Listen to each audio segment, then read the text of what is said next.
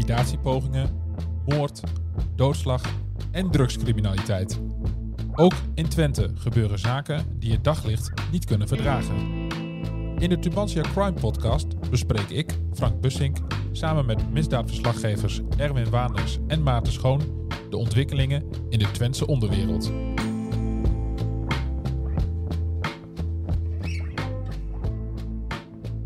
Welkom bij een nieuwe aflevering van de Tubantia Crime Podcast. Mijn naam is Frank Bussink en ik zit hier met de misdaadverslaggevers van Tubantia, Erwin Waanders en Maarten Schoon. Goedemiddag jongens. Hoi. Ehm, we hebben een heleboel te bespreken, ondanks dat we we hebben elkaar twee weken geleden voor het laatst gesproken voor, een- voor een podcast in ieder geval. beetje, ja. Ja. En ehm, nou, ik wil gewoon beginnen met, met de actualiteit. Dat is de, de vondst van een, eh, een, een dode man in, eh, in Enschede. Ja. ja, dat was eh, bijzonder gisteren. eh, ja, we- Ja. Het is nu woensdag, dus eh, we praten over gisteren, dinsdag. Ehm, ja, hoe begint zoiets? Want dat was volgens, de, volgens mij een beetje de vraag die we Ja, stellen. gewoon van, van begin tot eind. Hoe Ja, is dat nou, gelopen eh, gisteren? Wij volgen als misdaadverslaggevers natuurlijk allerlei eh, ehm, diensten op, op Twitter en, en hebben allerlei contacten. En er verscheen een bericht dat de brandweer werd opgeroepen voor het plaatsen van een zichtscherm aan de Deurningenstraat. Mhm. Nou, dat is eh, voor ons eigenlijk meteen alarmfase 1, want dan weet je één ding. Dan ligt er iemand, eh, ja, waarschijnlijk die niet meer ademt ergens. Ja, Nou, voor de duidelijkheid, zichtscherm is Zichtscherm is van de brandweer om, om zeg maar een, een eh, ja, bij, een, bij een ongeval bijvoorbeeld Ja. om het slachtoffer uit het zicht eh, te leggen. Ja. Dat je dat je niet dat mensen niet eh, ja, beelden gaan maken van eh, Ja, mogelijk slachtoffer. Zo'n windscherm met onderlangs zo'n oranje slash rode rand. Ja, daar komt de beetje- brandweer voor. hè. De brandweer beschikt over de schermen, de politie zelf niet. Ehm, dus dan weet je eigenlijk al van, nou, er is iets gebeurd. Nou, dan, eh, ja, dan spoed je je naar de plek des onheils. Nou, dat is voor ons in dit geval gelukkig niet zo heel ver van de, van de redactie. Nee. Ehm, en dan zie ik eh, daar aankomen dat er ja, best wel een, een groot gebied is afgezet met rood-wit lint van de politie. Overal staan ook al politieauto's. De brandweer was op dat moment, eh, kwam er net aanrijden. Dus ehm, ja, die hadden het scherm nog niet geplaatst. En ja, dan ga je vragen eh, aan de, de agent aan het lint van, goh, wat is er aan de hand? Ja. Dan gaan natuurlijk eerst alle luiken dicht, om het zo te zeggen. En dan wordt er alleen gezegd, ja, ja ehm, er is hier iets aan de hand en eh, we gaan het groot afzetten. Dit is allemaal plaatsdelict. Nou, een plaatsdelict impliceert al dat er iets is gebeurd Mhm. wat niet door de beugel kan. En Ja. er was geen ongeluk gebeurd. Ehm, dus daar hadden we geen, eh, geen melding van gekregen. Er was geen brand geweest. Ja, dan voel je eigenlijk al wel aan dat er, dat er wat anders aan de hand is. En Ja. eh, nou ja, ik ben omgelopen, wat dichter naar eh, de plek toe. En ehm, ja, daar zag ik eigenlijk al wel eh, wat er eh, eh, speelde. Mhm. Dat er een, een dode man in, in een auto zat. Ja, maar hoe pakt de politie zo'n zo'n onderzoek aan? Hè? Want het kan natuurlijk ook zijn, kijk, we weten nu dat het om een delict gaat, Ja. om een misdrijf. Ehm, dat weten ze op dat moment natuurlijk Nee. niet. Ze Nee. moeten dat uit kunnen sluiten. Ja, dus ze onderzoeken alle mogelijke scenario's. Ja. En, en daarom zijn ze ook heel voorzichtig om direct al naar buiten te brengen dat het om een misdrijf gaat. Hè, op dat moment kan het ook een, een, een man zijn die onwel is geworden in zijn auto. Eh, dat had gekund. Ehm, maar goed, ik moet eerlijk zeggen, vrij vlot nadat ik eh, te plaatsen was, kreeg ik van de officier van dienst, dat is de man die zeg maar ehm, ja, daar ter plekke eigenlijk de leiding heeft eh, over eh, de, de actie. Ehm, die, die, ja, die, die zorgt eerst dat alle mensen dat gaan doen wat, wat, wat ze moeten doen. En Mhm. nou, hij had wel even tijd, nam mij even apart en gaf aan van, nou, we kregen een melding van een onwelwording in een auto. Op het moment dat we te plaatsen kwamen, de hulpdiensten kwamen te plaatsen, bleek dat er een overleden man in de auto zat. En hij gaf meteen al aan, we hebben sterke eh, aanwijzingen dat het om een misdrijf gaat. Mhm. Nou, dat zegt hij eigenlijk al met, eh, met zoveel woorden dat je gewoon weet van, eh, dit is foute boel. Ja. Ehm, nou ja, Maarten is er ook geweest en die heeft ook gezien dat de, de, ja, al vrij snel de forensische opsporing kwam en de reche- recherche, de tactische recherche kwam. Ehm, er kwam een plaats, eh, een, een PD, hè, een plaatselijk unit van de, van de politie bij. Ja, dan, dan zie je zoveel onderzoek eh, Mhm. en dan, ja, dan zie je gewoon en weet je dat het, eh, dat Ja, een foute boel is. Als de Ja, politie zo groot opschaalt, dan dat doen ze niet bij een, eh, bij een suïcide of bij een... een Hartaanval. Nee, Nee. ik wilde even vragen, ook voor de mensen thuis weer. Wat zie je? Waar was het? Wat, wat, wat voor plek is het? Wat, Het is eh, gewoon een, eh, een doorgaande, eh, eigenlijk een doorgaande weg, een inkomende weg naar het centrum toe van Enschede. Eh, je hebt aan, aan, aan de kant waar de auto stond, daar heb je een, een plint, een winkelplint met een, een, een, een, ja, een, een fietsenmaker, een broodjeszaak, een, een woninginrichtingzaak. Eigenlijk gewoon heel, heel regulier. Mhm. Aan de overkant heb je eh, voornamelijk verkamerde panden, dus waar, waar heel veel studenten wonen, maar ook, ook eh, ja, eh, andere mensen die daar gewoon een, een, een kamer huren. Ehm, ja, en er staat gewoon een, een auto met de deur iets open en daar zit een, of ligt, uh, iets onderuitgezakt, ligt een, een man in. Mhm. Uh, dat is wat je ziet. En vervolgens zie je uh, eigenlijk alles voor je ogen verschijnen aan, aan politie. Ja. Um, mensen, in, de politie in witte pakken, hè, die kennen we wel van tv. ja, de reguliere recherche, de mensen met een, met een, Ja. een ketting met een politiewapen erop. De gele botjes op de grond. De gele botjes op de grond. En, Ja. en die gele botjes die, die gaven eigenlijk ons, hè, Maarten en, en mij al aan van... Hey, de steeg aan de overkant van waar de auto stond, die is belangrijk. Daar is iets gebeurd. Want Mhm. daar, daar focuste eigenlijk de, de forensische opsporing eh, zich. Uiteraard op het hele gebied, maar, eh, maar voornamelijk op de steeg. En eh, nou ja, Zullen ze dan een soort van een spoor hebben gevolgd of zo dat naar die ste- van de auto naar die steeg heeft geleid? Of, ja Andersom. of, of andersom, ja. eigenlijk. Ja, ja. Eh, ja. Maar je begint, je begint bij, de, bij het slachtoffer en van daaruit ga je, je gaat niet kijken van, Nee. Ja. Ja, klopt. Nee, Ja. nee, dat hebben ze gevolgd. En ehm, ja, het was vrij snel duidelijk dat, ehm, dat het hier om een misdrijf ging, eh, zoals we net hebben gezegd. Ja. wat, wat weten we nu over het slachtoffer? Nou, we weten inmiddels eh, via officieel, eh, via, vanuit de politie, dat het om een 50-jarige man uit Enschede gaat. Ehm, nou, via andere bronnen weten wij ook de naam. Ik weet niet of het nu... eh, Ja, hij staat eh, op de site staat erin. LDL. het, het gaat om, om eh, de 50-jarige Diego Isik eh, uit Enschede. Eh, een man die wel bekend was bij politie en justitie. Maar niet ehm, in de zin van, goh, eh, dat is een bekende eh, eh, delinquent of een bekende crimineel. Nee.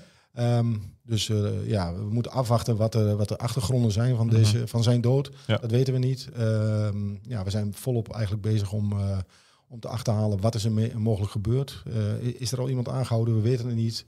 Dus we proberen het op alle mogelijke manieren natuurlijk wel te achterhalen. En, en contact te houden met diverse bronnen, waaronder ook inderdaad de officiële bronnen zoals politie.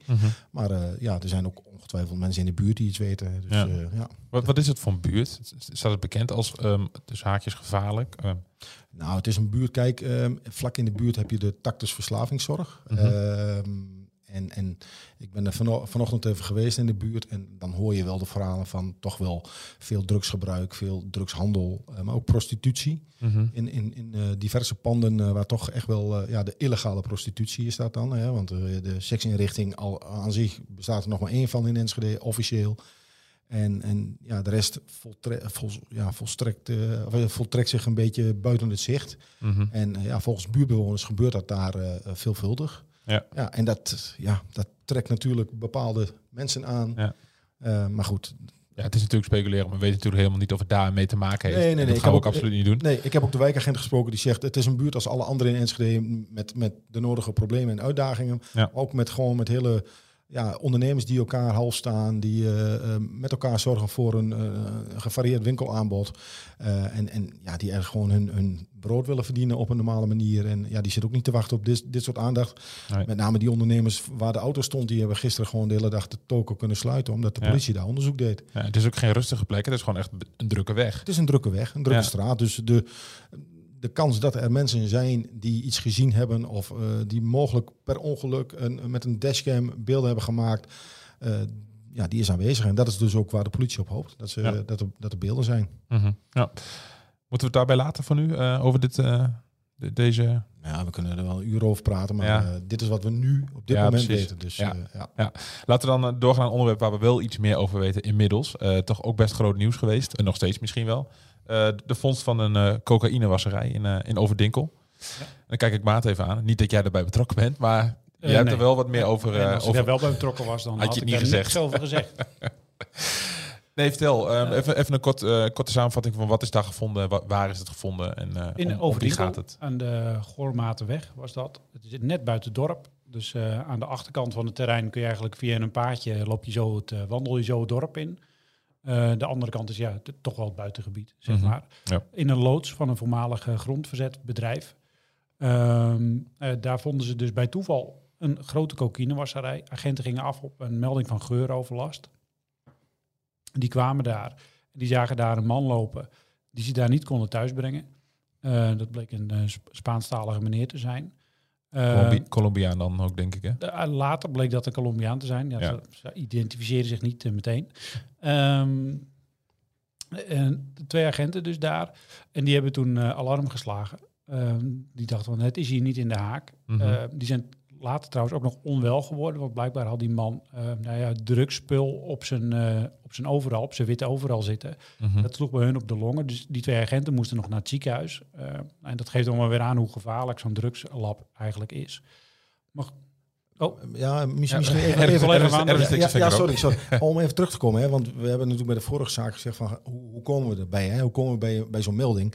In dit geval was het ook een melding eigenlijk van de brandweer die ons op het spoor zette. Want er kwam een melding van assistentie politie Goormatenweg Overdinkel. Mhm. En, en die melding werd eigenlijk vrij snel opgeschaald naar grip 1. Ja, En bij assistentiepolitie grip 1 van de brandweer, foute boel. dan is foute boel. Normaal Ja. gesproken bij grip 1, dan gaan allerlei hulpdiensten samenwerken. Nou, dat gebeurde hier ook.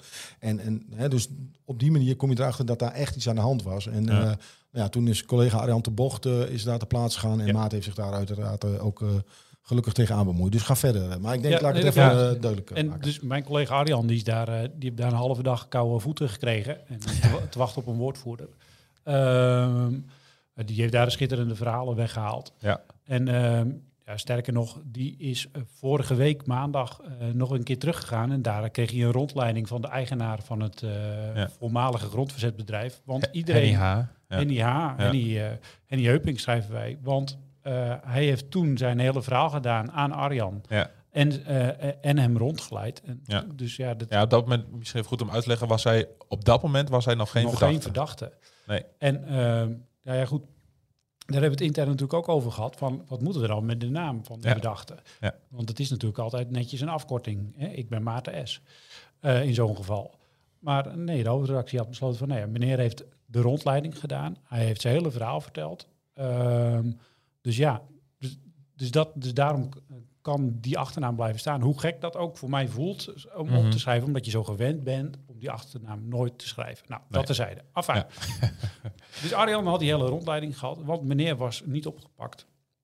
En gold niet als verdachte officieel. Hij was wel een keer verhoord geweest. Ehm, maar dat was het dan. Want die weken voor was dus wel toen iedereen naar binnen gebracht die ze daar vonden. Want in die Mhm. loods, daar die was dus ook vertimmerd. Daar waren slaapkamers gemaakt, was een, impro- een ge- keukentje geïmproviseerd. Ja. Maar ook dus een cocaïnewasserij. Eh, ze arresteerden daar acht eh, mensen uit Colombia. Ehm, ze, ze arresteerden daar de zoon van eh, Henny. Die was daar ook. En nog een meneer met een andere nationaliteit. En waarschijnlijk is dat een Joegoslaaf. eh, waarvan, eh, ja, waarvan is, die zou het pand gehuurd hebben.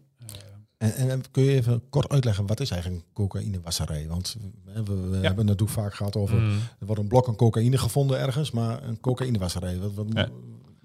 Voor de mensen die het niet weten. Ja, nee, heel goed. Ehm cocaïnewasserij. ehm cocaïne wordt op verschillende manieren eh, gesmokkeld. Ehm, dat kan dus in blokken. En die blokken kun je ergens in verstoppen. Maar je kan ook het poeier de, eh, zelf ergens in verstoppen. Dus bijvoorbeeld je kan het in, ehm, in kleding laten oplossen. Of zelfs in plastics. Of in Vloeistof, chocola. ja, ja. Of in Mhm. vloeistoffen. Ja. En via het laboratorium, en in dit geval dus het laboratorium in Overdinkel... Ehm, haal je dat er weer uit via een, eh, het, het chemische proces, maar dan de andere kant op. Ja. Ja. En dan krijg je weer poeier, zou ik Mhm. maar zeggen. Ja. En eh, niet onverdienstelijk, althans, ja, ik weet niet wat het kost. Maar eh, volgens geruchten zou daar eh, zeker voor 50 miljoen zijn afgevoerd. En dan heb ik het alleen nog maar over het, eh, over het lab daar. Zo melden eh, bronnen inderdaad aan mij. Ja. Ja. Dus sorry, niet, niet om de, de, de Ja. eer te houden, maar eh, ja, ik heb me Ja. er toch een beetje tegenaan bemoeid. eh, en kreeg een tip van iemand. En Ja. die, die meldde van ja, de, afvoer, de afvoerder die, eh, die wilde heel graag weten wat hij nou eigenlijk had vervoerd. En eh, Mhm. die kreeg keurig van de politietoren van ja, je hebt voor 50 miljoen euro aan eh, cocaïne weg, weggebracht naar de verbrandingsoven. Is dat veel? Ja, het is ja, natuurlijk 50 miljoen is veel, maar ik, ik bedoel... zijn in- dagen in- dat ik het niet in mijn zak heb. Nee, precies. maar eh, in vergelijking met andere, hè, er, wordt er, wel, wordt wel eens vaker wat, wat, wat opgerold wat, op een, wat een cocaïnewasserij is. In, hoe groot is, was dit eh, lab in Overdinkel als je het zou vergelijken met andere Ja, de politie sprak toen van een, eh, de, dus eh, ja, toen, eh, alsof het jaren geleden is, want het is nog wel kort geleden, Ja. van een, ja, dat het wel een groot lab was. Dat ook Mhm. al enige maanden draaide. Ja. Eh, dus ja, ze zullen aardig wel wat omzet gedraaid hebben, als je Mhm. het zo wil zien. Maar als je op één dag eh, alleen al eh, bij een inval voor 50 miljoen Aan kook. aan kook vindt, Mhm. al dan niet al eh, hè, eh, eh, ja, Volwassen of of niet, dan, eh, ja, dan kun je er ja, gevoelig van uitgaan als het een aantal maanden heeft geduurd, Mhm. dat daar eh, flink, eh, Ja. flink wat door de, door de vingers is Ja, gegaan. zeg exact maar. weet ik het niet. En Nee. ik kan dus ook niet zeggen, ik kan dus ook geen lijstje maken. Want je vraagt natuurlijk, is dit de grootste, de mooiste, de, eh, et cetera, et cetera. Ja, kan ik niet zeggen. Nee. Weet ik Nee, niet. Nee, weet ik ook nee, niet. nee. Hoe gaat het onderzoek nu verder daar? Eh, goed. Oké, mooi. Ko- Kort, kort en bondig antwoord. Nee, eh, de politie zegt natuurlijk niks. Nee. Dus eh, dat bedoel ik niet negatief naar de politie. Die moet vooral hun eigen werk doen. Zoals wij dat ook moeten doen natuurlijk. Kijk, en, eh, dus ja, dat, dat, dat- het is niet in hun belang om daar veel over te vertellen. Nee. De inmiddels elf verdachten dus. Want Mhm. een dag na de rondleiding is Henny eh, dus opgepakt door de politie. En allemaal in beperkingen. hè. Ja, Dus en die eh, zitten volledige dus- beperkingen. Dat wil Ja, zeggen precies. dat ze alleen contact mogen hebben met een advocaat, niet met familie Nee. en niet met de buitenwereld. Dus Nee. eh, En, eh, even kijken. Die zijn dus, eh, het voorarrest is verlengd. En eh, als het goed is, beslist vandaag de raadkamer van de rechtbank over eh, een verdere verlenging van een voorarrest. Dus dan zouden ze nog eens drie maanden in voorarrest eh, kunnen blijven zitten. Ja. Dat is nog afwachten, dat weet je niet zeker. Ja, ja. Ehm, dan even door naar een andere eh, kookzaak. Eh, ik kijk jou even aan, Erwin. De, de, de, de, de, de leden van, eh, of de, de ex-leden van de ex-Satudara, de ex-motorclub. Ja. Ehm, er was ook een grote, kook- grote kookzaak in Den Bosch. ja, klopt. Ehm, die mogen hun proces in vrijheid afwachten. Ja, dat mochten ze al. Ze Mhm. zijn in, eh, in de zomer zijn ze geschorst uit hun voorlopige hechtenis. En dat was toen tegen het zere van, eh, van het Openbaar Ministerie. Die had eigenlijk liever gewild dat deze heren, dat zijn negen verdachten in totaal, vijf mensen uit Brabant, vier uit Enschede. Allemaal inderdaad eh, voormalige leden van Satudara. Ehm, ja, het Openbaar Ministerie wilde eigenlijk dat ze vast zouden blijven zitten. Ehm, en hebben daar eigenlijk na de zitting in, in juli volgens de verdediging een, een, een juridisch trucje eh, geprobeerd uit te halen. Een, eh, een, een vordering tot bevel eh, gevangenneming. En daarbij zou dan een nieuw feit op de telastenlegging zijn gekomen. Voortzetting van een organisatie die met als oogmerk criminele activiteiten, in dit Ja. geval de Satudara.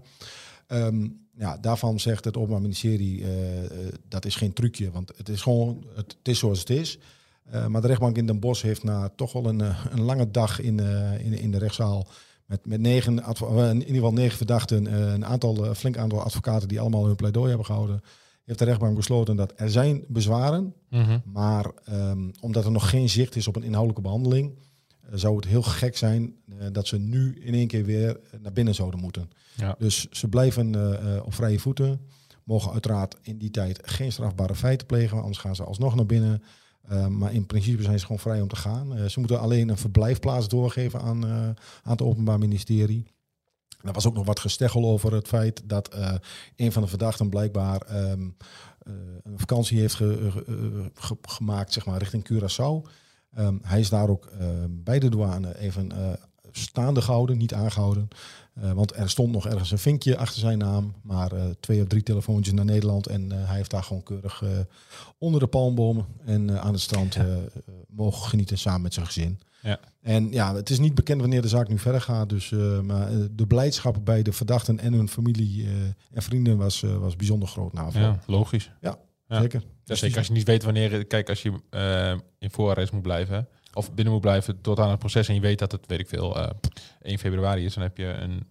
Dan heb je een stip op de horizon. Ja, en dan mag ik weer... eh, Ze hadden ook keurig allemaal hun tas bij zich hoor. Eh, eh, niet, niet zichtbaar eh, in eerste instantie. Eh, Nee. Die stond keurig in de auto. Maar voor zekerheid. eh, ja, Je het, weet- het weet had het zomaar gekund. De, recht, Ja. de rechtbank besloot eigenlijk eh, binnen een half uur. eh, eh, dus het- dat gaf de, de verdachte eigenlijk ook een beetje een vervelend gevoel. Hè. Mhm. We spraken ze gewoon op de gang.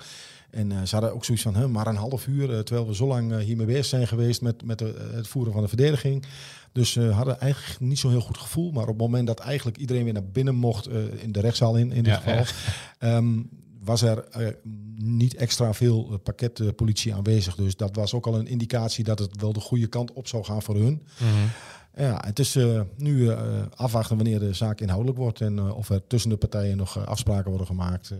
Die kans zit er ook nog in. Dus Ja. we gaan het zien. Ja, ja. Dan, Maarten, eh, door naar een, eh, naar een andere eh, zaak. Een eh, woningoverval bij een, eh, bij een aardappelboer in, in Denenkamp. Ja. Tuffel, Ja. Tuffeltoon. Tuffeltoon is een Ja. bijnaam, zo is hij Ja. lokaal bekend. En eh, ja, lokaal is inmiddels Twente, denk ik dan. Ehm, ja, dat was eh, ook de, dat was deze week, was de zitting. Ehm, even teruggaan naar die dag, dat was eh, vorig jaar januari. Eh, toen is hij eh, overvallen. Ehm, Een woningoverval midden in de nacht. Ze hoorden de hond blaffen. En eh, toen dachten ze van, nou, het zal niks zijn. Maar een kwartier later stonden er dus vier gemaskerde mannen rond het bed ja, van hem en zijn vriendin. Mhm. En ze waren uit op geld. Ja. Kijk, er staan bij hem ook. Ze, hadden waarschijnlijk wel het vermoeden dat er veel contant geld binnen moest zijn. Hij is een handelaar in aardappelen, de voltoon Mhm. en eieren. Eh, en misschien hebben ze ook wel een tip gehad. Dat, dat werd in de zaak niet duidelijk. Maar ze vroegen wel de hele tijd naar de kluis. Ja. Ze- ze Dan, zou je dat, Ja. dan moeten ze toch wel iets van, een, een, ja, wat je zegt, een tip hebben gehad. Of, Ja, eh, even, ehm, ik ga nooit eh, vertellen waar ik eh, woon, maar ik moet eerlijk zeggen dat diverse bronnen rondom deze meneer eh, ehm, gewoon allemaal vertellen dat hij eh, bekend staat als iemand die veel contant geld in huis had. Ja. Laten we dat er heel duidelijk bij zetten. Heel veel mensen wisten gewoon dat zijn handel wordt Mhm. gewoon cash afgerekend. En, Ja. eh, en, en hij heeft er ook nooit een geheim van gemaakt dat hij veel geld in huis had.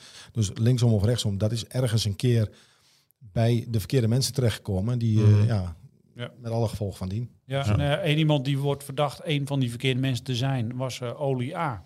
uit Oldenzaal. Ehm, heeft een verleden van inbraken, van geweld, eh, afpersing. Heeft ook al, eh, hij is 29, maar heeft al een tijdje in de gevangenis gezeten, een paar jaar doorgebracht. En wat het eh, OM betreft komen daar nog vijf jaar bij. Mhm. Van de vier mannen is hij de enige die is opgepakt. Ze vonden zijn DNA op touw en op duct tape, wat in de woning van Tuffeltoon is gevonden. Ehm, nou, hij had daar geen goede verklaring voor, zegt de officier. Hij zegt, ik weet het niet. Dat is zijn verklaring eigenlijk. Ehm, maar ehm, het slachtoffer heeft wel gezegd van ja, er waren twee mannen die probeerden mij vast te binden. En ik heb me verzet. Nou, dus dat, dat past wel bij het verhaal, zegt de officier, van dat deze verdachte met een andere man Ja. eh, deze man probeerde vast te binden. Ondertussen hadden ze zijn vriendin meegenomen naar een andere ruimte en hij wist niet wat, wat ze met haar aan het doen waren. En eigenlijk uit pure angst heeft hij, eh, hij heeft het eerste portemonnee gegeven, daar zat eh, zo'n duizend euro in. En toen gewoon uit angst toch maar gezegd van ja, ik heb een kluis en die staat in de kelder. Ja. En eh, daar hebben ze 20.000 euro uit meegenomen. Ja. Wat- En, Ik wilde even naar de, naar de auto van, van, van, van de verdachte. ja, die, die kwam ook terug in het... Die kwam ook terug, inderdaad. Ja. Maar ik maak eerst even af wat er die avond is Oké, gebeurd. sorry. Ja. En toen, ehm, daarna hebben ze hem en de vriendin eh, in de wc-ruimte geduwd, zeg maar. Nou, toen draaide hij natuurlijk snel de deur op slot en hield hij de klink omhoog, want zij wilden hem hun eigenlijk weer eruit hebben. Dus hij heeft toen, ja, het moet echt eh, angstige momenten zijn geweest, uit alle macht die klink proberen omhoog te houden van die deur, Mhm. zodat ze niet meer terug konden komen. En toen ehm, ja, zijn ze uiteindelijk weggegaan, die mannen. En eh, toen konden ze eruit en toen hebben ze de politie gebeld. Eh, met het hele huis was een ravage, alle telefoons die ze hadden gevonden weggegooid, de snoeren er overal uitgetrokken, dus zodat ze de hulpdiensten niet konden be- Hoe, bellen. lang, hoe lang heeft dat geduurd? Ja, dat weet ik eigenlijk. Dat is een goede vraag. Maar dat Ja, het- kan wel even geduurd hebben. Ik denk dat vijf minuten dan ook heel lang zijn. Maar, Ja, precies. Ja. Dus dat, eh, maar goed, terug naar die auto. ja. Ik vond het Eh, heel bijzonder. Ik Ja, de officier van justitie die kwam dus bij deze verdachte uit door DNA. Eh, maar ook door een getuige die heeft gezien dat eerder op die dag er een felblauwe auto met een bepaalde vorm over de weg reed daar, over de Johanningsweg. En die reed daar langzaam. En het leek op een volverkenning. De mensen die in die auto zaten, die ja, keken een beetje betrapt. Die hadden verdacht gedrag, vertonen die officier. En die verdachte heeft ook een felblauwe auto met eenzelfde vorm. Maar ja, volgens hem was het toeval dat eh, die auto daar gezien was. Want hij is nooit in Denenkamp geweest, zegt hij. Ja. Dus eh, nou ja, aan de ene kant heb je dus het verhaal van de officier van justitie eh, met DNA, die auto die gezien is. Ehm, geen verklaring voor het DNA. En aan de andere kant een verdachte die dus zegt, ik ben nooit in Denenkamp geweest. En ehm, hoe, hoe, hoe dat touw daar komt, hoe mijn DNA daar komt, dat weet ik niet. En, en, de, en de overige verdachten, die zijn niet in beeld? Niet in beeld. Daar is met geen woord over gesproken. Eh, er is ook een anonieme melding was er binnengekomen dat eh, deze meneer ODA uit Oldenzaal met zijn broer daar geweest zou zijn. Maar het eh, DNA van zijn broer is dan weer niet gevonden.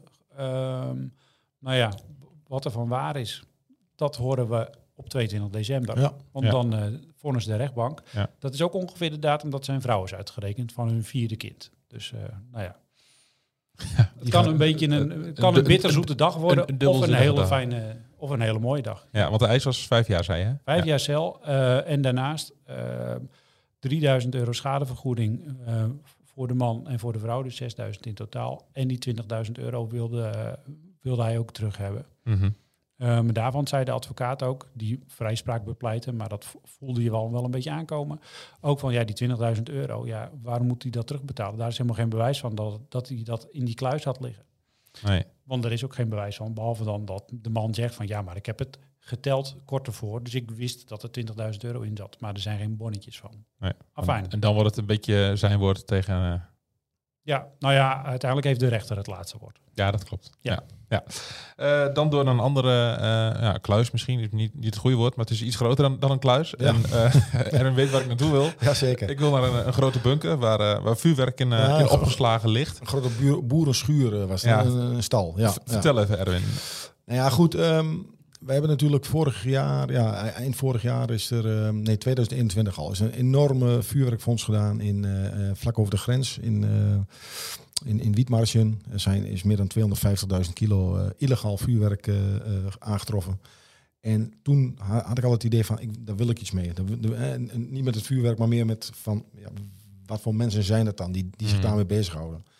Ehm, dus ik ben op onderzoek uitgegaan en eh, ben via Telegram, het, eh, ja, een soort berichtendienst, ehm, ben ik in contact gekomen met eh, wat mensen die zich begeven in die vuurwerkhandel. Nou, dat is helemaal niet zo heel moeilijk. Een, zo- een zoekfunctie op Telegram en je komt allerlei groepen tegen waar mensen zich bezighouden met handel in, in van alles en nog wat. Waaronder dus ook vuurwerk. En ehm, nou ja, ik heb een, twee mensen uit Noordoost-Twente. Ik weet niet precies waar ze vandaan komen. Dat eh, durf ik echt niet te zeggen. Maar eh, ik heb ze in ieder geval getraceerd.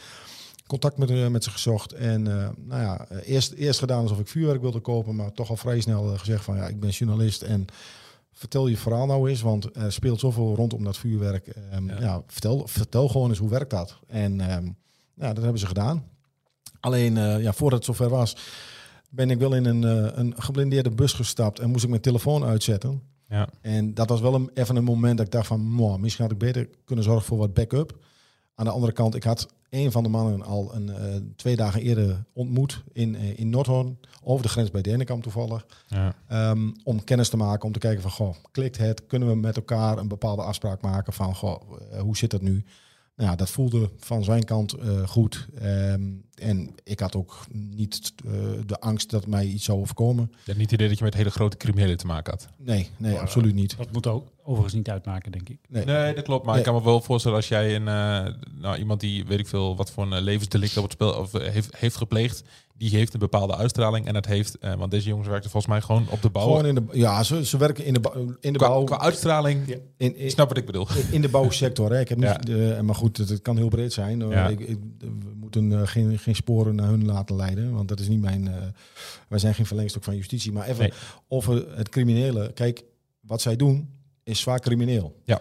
Zij verkopen illegaal vuurwerk aan Jan en Alleman. Zij hebben geen enkel idee aan wie ze het verkopen. En dus wij weten ook niet of bij die 140 aanslagen in, in Rotterdam bijvoorbeeld, de afgelopen jaar alleen al, dit, of dit jaar, al 140 aanslagen met, met, met vuurwerkbommen, of daar vuurwerk van hun bij zit. Dus Ja. op het moment dat zij wel te traceren zijn en dat het vuurwerk wat vanuit hun opslag komt, wel is gebruikt bij een aanslag waarbij mogelijk iemand om het leven komt, dan hebben we wel te maken met, met mensen die Wapens leven. medeplegen, medeplichtigheid aan weet ik wat. Ja. Maar goed, daar ging het mij nu niet om. Het ging mij er gewoon om van, oké, waar halen zij hun vuurwerk vandaan? Hoe doen ze dat?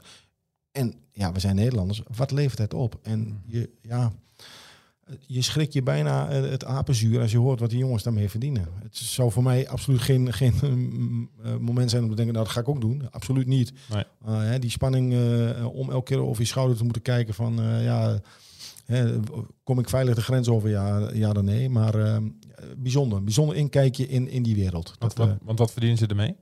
Tienduizenden euro's. Per jaar? Ja. Per persoon? Per persoon, ja.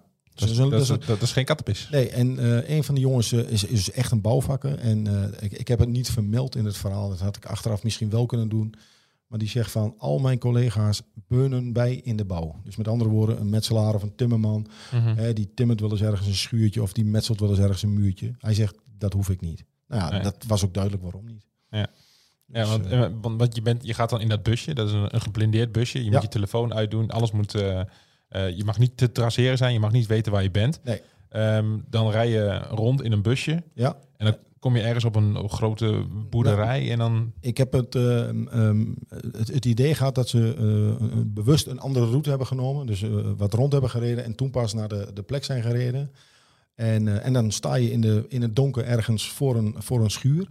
Ik wist ook niet dat het bij een boerderij was. Dat zag ik ook pas later. En ehm, ja, gewoon een, een, een boerenschuur met, met oude auto's, wat, wat landbouwvoertuigen, eh, wat landbouwmaterialen. En, en vervolgens ga je een deur door en sta je in een opslag, ja, waar denk ik de gemiddelde vuurwerkfanaat eh verrukt naar zou kijken. Ja, watertandend. Watertandend, ja. ja. Ja. Maar wat lag er opgeslagen? Cobra's, shells, eh, nitraten, eh, flauwe beds, grote eh, compounds.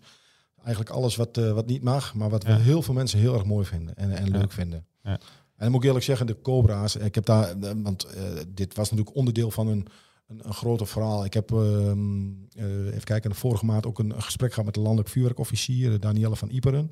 Die namens het Openbaar Ministerie alle vuurwerkzaken eigenlijk doet.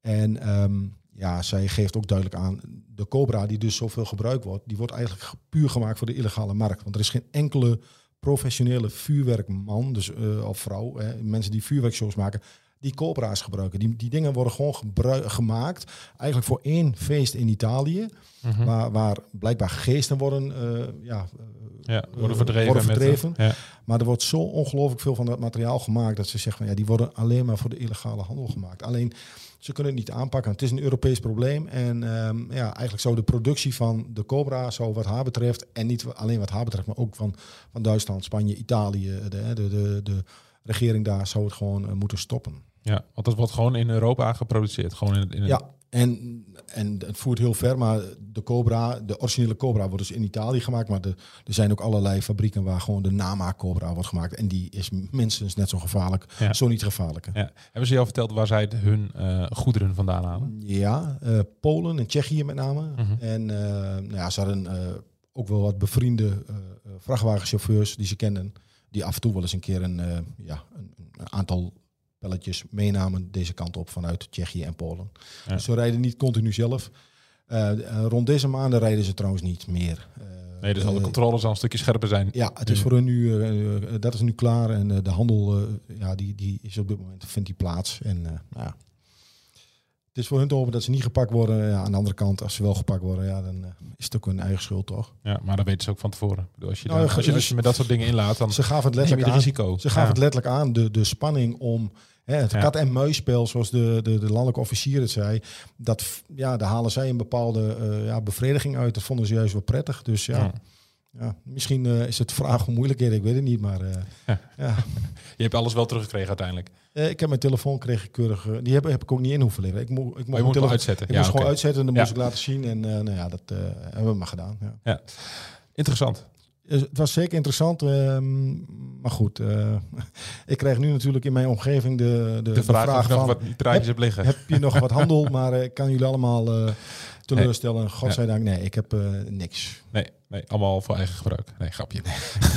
Ook dat niet. Nee, nee. We Ehm, hebben iemand anders in de buurt die altijd voor feestverlichting zorgt. nou, kijk, je hebt altijd iemand in de buurt die dat doet. Hè. Dat hoeft de rest van de buurt er niet te doen. Legaal trouwens hoor, in dit Ja, geval. nee, heel goed. Ehm, ik heb nog twee dingen op mijn lijstje staan. Eh, de eerste is de, de viervoudige moord in eh, Enschede. Ja. Van een paar jaar terug. Dat was eh, die nu het hoge beroep. Ja, dat was 13 november 2018. Hè. Vier mensen werden doodgeschoten in een grow shop. Even kort voor de mensen die het niet meer weten.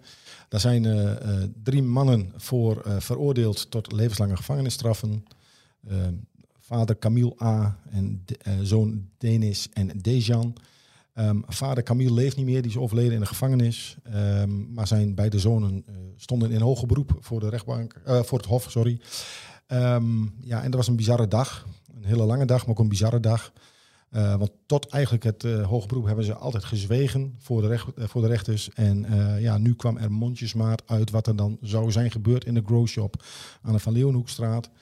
Ehm, ja, de, de druk bij, bij beide heren is enorm. En, eh, en de jongste eh, broer die wilde, wilde wel verklaren, maar durfde eigenlijk niet. Eh, altijd uit angst van zijn vader en de vrienden van zijn vader. Ehm, maar zijn oudste broer zei nu tegen hem van... jij moet nu, eh, geef maar openheid van zaken... want eh, eh, papa is er niet meer. Ehm, voel je vrij om te spreken. En nou, hij voelde zich nog steeds niet helemaal vrij. Toen kwam er een verzoek van zijn advocaat... of hij achter gesloten deuren alsnog zijn verklaring mocht doen.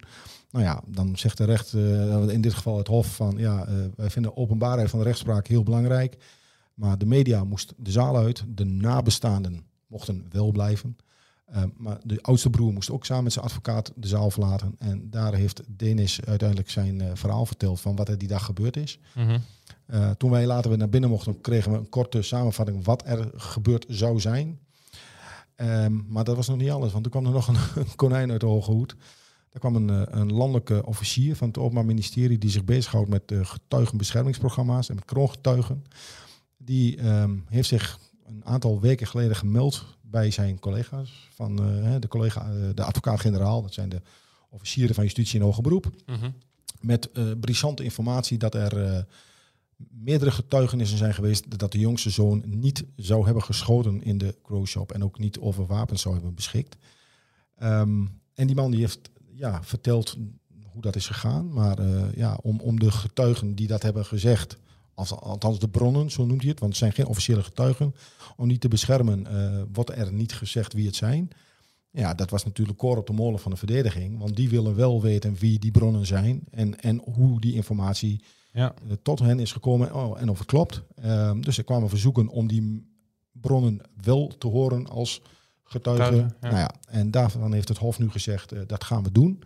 Wel in een geheime zetting. Dus dat gaat dan weer bij een eh, raadsheer, eh Raadscommissaris. raadsheer commissaris. Bedankt Maarten.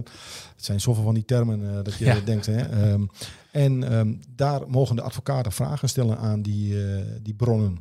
zonder dat die bronnen bekend worden bij het, het publiek.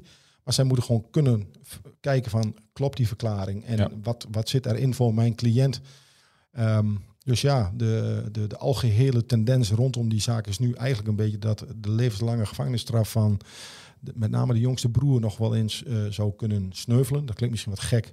Hè? En, en dat is waarschijnlijk wat speculatief, maar ehm, of, de- want juist de landelijke officier gaf aan van in een, in een zaak waarin een levenslange gevangenisstraf is opgelegd voor de moord op vier mensen, terwijl er informatie beschikbaar is die ontlastend zou zijn voor een van Mhm. de verdachten, eh, kan het niet zo zijn dat we die informatie achterhouden. Nou, dat impliceert eigenlijk al van de, hè, dat het eh, vanuit het landelijke, dus de top van het OM, dat die al zeggen van, maar, het is levenslang wel De terecht juiste. de juiste straf. Ja.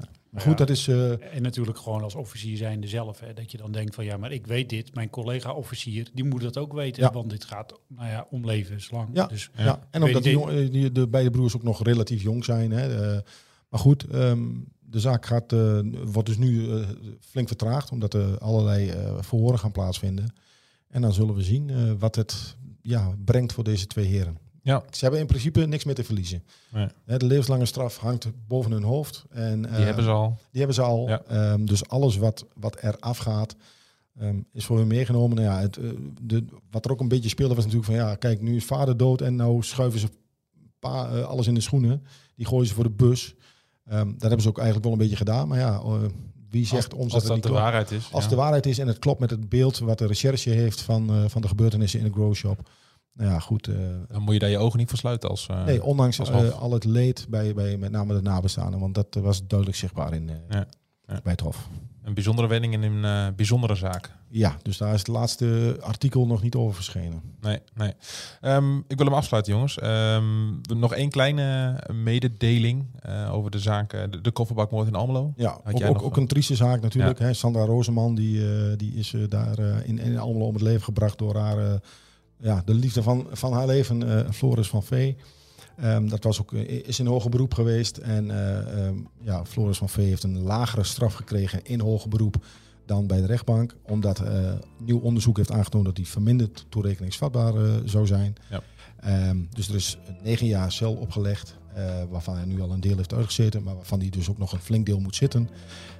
En er is afgezien van cassatie bij de Hoge Raad. Dus dat betekent dat die zaak definitief is. En ja, dat het voor de nabestaanden in ieder geval nu tijd is om, om het een plek te gaan geven en hun leven op te pakken eh, eh, in de Ja. wetenschap dat de man die Verantwoordelijk hun, is. hun Sandra heeft eh, omgebracht, dat hij eh, daar zit waar hij op dit moment moet zitten. Daarbij laten. Helemaal goed. Bedankt, jongens. tot de volgende keer.